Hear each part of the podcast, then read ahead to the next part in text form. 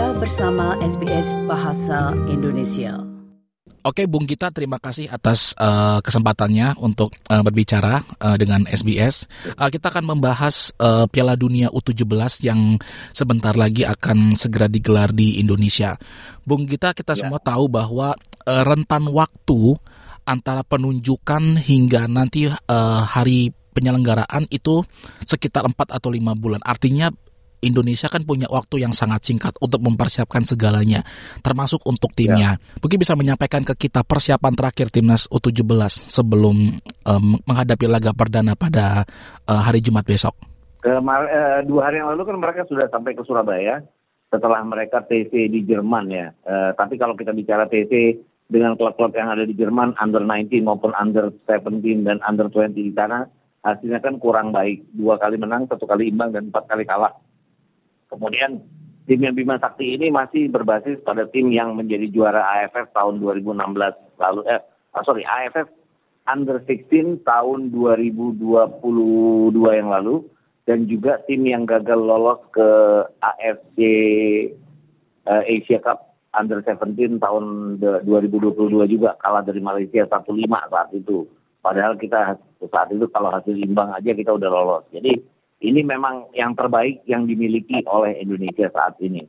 Uh, M. Iqbal dan kawan-kawan. Uh, kalaupun kan kita tidak mempersiapkan lama tim ini, kenapa? Karena kita kan sudah uh, tidak lolos ke putaran final Piala Asia Under 17, otomatis tidak lolos ke Piala Dunia. Karena kita tidak menjadi tuan rumah. Waktu kita jadi tuan rumah mungkin sama dengan Argentina ya. Kita harus dengan buru-buru mempersiapkan tim ini. Bedanya mungkin adalah kalau di Argentina under 70 under 20-nya itu kan ikut kompetisi, ada kompetisi khusus under 20 sendiri. Hmm. Eh, sehingga bisa comot pemain-pemain dari klub-klub yang sudah ada. Nah, ini kan kita benar-benar eh, terbatas pemainnya karena tidak dari hasil kompetisi. Itu yang repotnya mungkin bagi kita eh, karena Nusa mempersiapkan apa yang terbaik yang dimiliki dan lawan-lawan kita kayak Ekuador, Panama dan Maroko itu punya reputasi masing-masing. Ekuador runner up CONMEBOL, kemudian Panama itu semifinalis uh, CONCACAF dan uh, Maroko itu uh, semifinalis uh, Afrika Af AFCON. Jadi saya pikir juga ini lawan-lawan yang tidak bisa dianggap enteng walaupun peraturan kompetisi mengatakan bahwa urutan ketiga empat urutan ketiga terbaik masih bisa lolos. Jadi saya berpikir bahwa persiapan kita yang mepet dengan kualitas kita yang mungkin di bawah lain-lainnya ya hanya faktor tuan rumah yang mungkin bisa membantu seperti itu. Gitu. Oke, okay. tadi Bung kita mengatakan bahwa uh, stok pemain kita terbatas. Namun kita uh, ya. di sisi, sisi lain punya tiga pemain naturalisasi, ada Welber ya. Jardim, ada Jidan Bin dan juga ada Amar Birkic ya. Saya tidak menghitung ya. uh, Coyunda Mani karena sudah, dipastikan gagal uh, memperkuat timnas ya. Indonesia. Pertanyaan saya adalah ya. uh, apakah tiga orang ini, tiga pemain naturalisasi ini mungkin bisa memberikan nilai value tambah bagi timnas U17? Harusnya bisa ya, karena mereka produk kompetisi. Apa pun kan mereka di luar sana sudah ikut kompetisinya. Jadi saya pikir juga bisa. Walaupun mungkin tidak sebaik naturalisasi atau diaspora yang memperkuat tim under 20, tim under 23 maupun senior. Karena Rafael Struik dan kawan-kawan kan jauh lebih matang dalam kompetisinya gitu aja kan ya, kompetisi yang diikuti oleh para pemain-pemain yang dinaturalisasi di, di untuk under 17 ini kan juga kompetisi under 17 yang secara level kekuatan tidak sama dengan senior dan juga under 20 dan under 23 itu aja jadinya. Tapi ya pasti akan merupakan tambahan kekuatan bagi kita. Eh, Bung kita sempat menyinggung tentang uh, evaluasi, uh, sorry, uh, TC timnas di Jerman di mana uh, dua kemenangan uh, satu seri dan empat kali kekalahan dan Kekalah. itu kan ya. uh, melawan dari tim-tim dengan uh, bisa saya katakan tim dari golongan usia yang berbeda nggak hanya U17 doang ya. tapi ada yang U20-nya ya, kan betul. Nah, setelah dari TC timnas ini anda melihat mungkinkah ada perbedaan antara tim yang Indonesia yang sebelum dan setelah yang ke TC karena kan uh, yang sempat saya ingat terakhir timnas U17 sebelum ber, uh, tolak ke mana? Ke Jerman. Mereka sempat ada friend, friendly match dengan Korea Selatan oh, sehingga itu. Iya nah Korea, itu ya ya, ya. Anda lihat ada perbedaan nah. nggak? Nah, hmm. kalau melihat waktu pertandingan lawan Korea dan uh, dengan TV yang sekarang memang ada sedikit perbedaan dari mereka. Uh, artinya dari sisi kebugaran dari sisi ketahanan fisik juga terlihat. Uh, bahkan pada saat pertandingan melawan Korea aja agak kaget ya dengan skor yang tipis saat itu. Padahal Korea kan waktu itu uh, labelnya adalah runner up Piala Asia Under 17 kalah dari Jepang di final dan mereka memain-mainkan Malaysia ya seperti halnya Malaysia main-mainin kita waktu itu. Jadi secara keseluruhan sebenarnya ada peningkatan dari tim ini. Tim ini juga bukan tim yang buruk ya, artinya Bima Sakti kan mendapatkan tim ini sebagai tim yang terbaik. Cuman kadang-kadang kita harus berpatok pada hasil kompetisi. Kalau hasil kompetisi kan pilihannya akan lebih banyak. Sedangkan ini tidak hasil kompetisi, jadi pilihannya hanya yang itu-itu saja. Tapi kalau dibilang peningkatan, ya jauh ada peningkatan. Tapi apakah peningkatan itu akan mampu untuk mengatasi lawan-lawannya itu masih tanda tanya buat saya. Tapi kalau ada peningkatan setelah dari Jerman, ya sangat ada peningkatan. Oke, okay. um, setelah kembali ke Jerman, uh, ada beberapa tim ya, terutama tim peserta Piala Dunia U17 yang dalam tanda kutip ingin mengajak friendly match dengan timnas Indonesia dan itu ditolak. Yep. Begitu.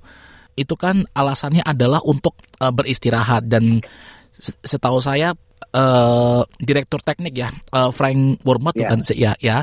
itu mengatakan yeah, bahwa ya ini sudah uh, kami butuh ini saatnya kita untuk istirahat gitu dan menolak untuk friendly match Bertanding. dengan ya yeah. betul ya apakah itu ada pengaruh akan mempengaruhi uh, performa tim? Gini, kan kalau saya pikir direktur teknik dan juga pelatih kita Bima Sakti kan pasti mempunyai metode uji coba. Hmm, Makanya metode uji, uji cobanya sejak awal terhadap tujuh tim yang menjadi lawan mereka dengan hasil 214 itu. Hmm. Ya, uh, itu itu metode mereka.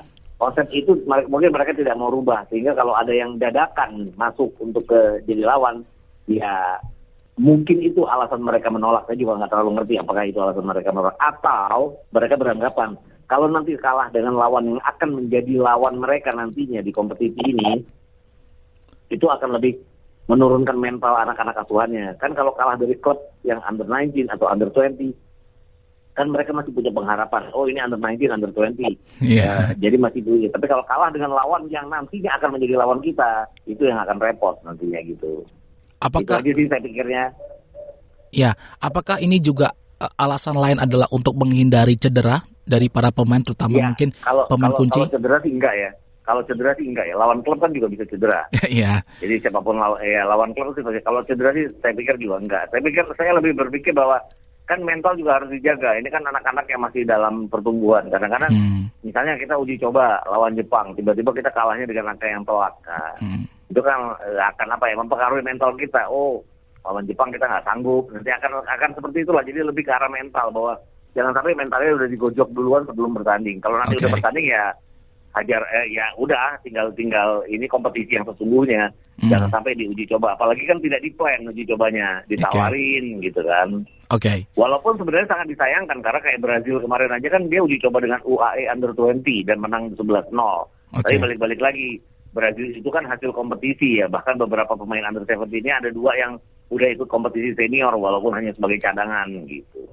Oke, ini yang terakhir uh, waktu acara kirap uh, trofi ya di ya, Solo ya di empat kota. Iya oh, betul. Di Solo ya. Ya waktu, waktu yang di Solo itu ketua PSSI Pak Erick Thohir mengatakan bahwa uh, semua tim ya maksudnya timnas U17 pengen lolos dari fase ya. grup. Apakah okay. dengan dengan persiapan yang pendek, dengan uh, stok pemain yang terbatas tadi seperti yang Bung Gita bilang, apakah realistis? Kalau ketua umum harus realistis. Iya. Kalau pelatih juga harus optimis, bukan realistis, optimis.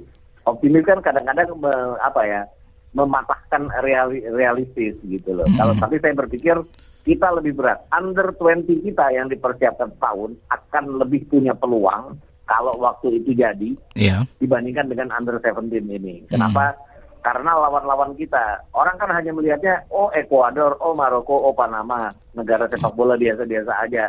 Tapi mereka ini dengan label runner up CONMEBOL, semifinalis uh, CONCACAF, dan saya lupa Maroko semifinalis atau finalis AFCON ya tapi mereka itu ada di empat besar di masing-masing zonanya, itu makanya mereka lolos. Dan kita kan tidak lolos, itu yang repot. Dan kita juga tidak bisa memanggil pemain-pemain dari EPA yang sekarang baru baru bertanding kan, under 20 dan under 17 kan uh, kompetisi junior baru dimainkan sekarang. Sehingga mau tidak mau ya kita yang ada-ada gini aja. Contohnya, kita baik sekali pada saat AFF Under 16. Kita ngalahin Vietnam. Kita juga baik sekali sampai di, di AFC kualifikasi Under 17. Sampai kita berhadapan dengan, dengan Malaysia, kita kehilangan sosok M. Iqbal, kapten dan center back kita. Dan gelandang bertahan kita itu berantakan kita. Jadi kita dengan tidak ada satu pemain inti itu kita berantakan. Eh, tim yang bagus kan tidak ada pemain inti, ada pemain pelapis. Nah itu juga kekuatan pelapis kita yang tidak kuat pada saat pemain inti kita cedera itu akan menjadi masalah bagi kita. Jadi kalau jawabannya apakah realistis sih saya bilang tidak realistis ya. Tapi siapa tahu keajaiban kan bisa terjadi. Yeah. Ya, jadi nah, salah satu dari empat uh, urutan ketiga terbaik. Tapi kalau saya nggak optimis dengan tim ini sebenarnya kayak gitu. Oke. Okay. Tapi saya bisa salah loh. Iya, iya. iya. Oke. Okay. Untuk pertanyaan terakhir tadi saya lebih gini. Saya lebih optimis dengan peluang under 20 kalau waktu itu under 20 jadi dibandingkan dengan peluang under 17 ini. Itu aja jawaban saya singkatnya. Oke, okay. oke okay, Bung Gita, ya. uh, itu saja yang saya bisa tanyakan kepada Bung. Gita. Once again terima kasih atas kesempatannya berbicara dengan SBS Bahasa Indonesia. Iya, ya, oke, okay. terima kasih. Sukai, berbagi, komentar. Ikuti SBS program Bahasa Indonesia di Facebook.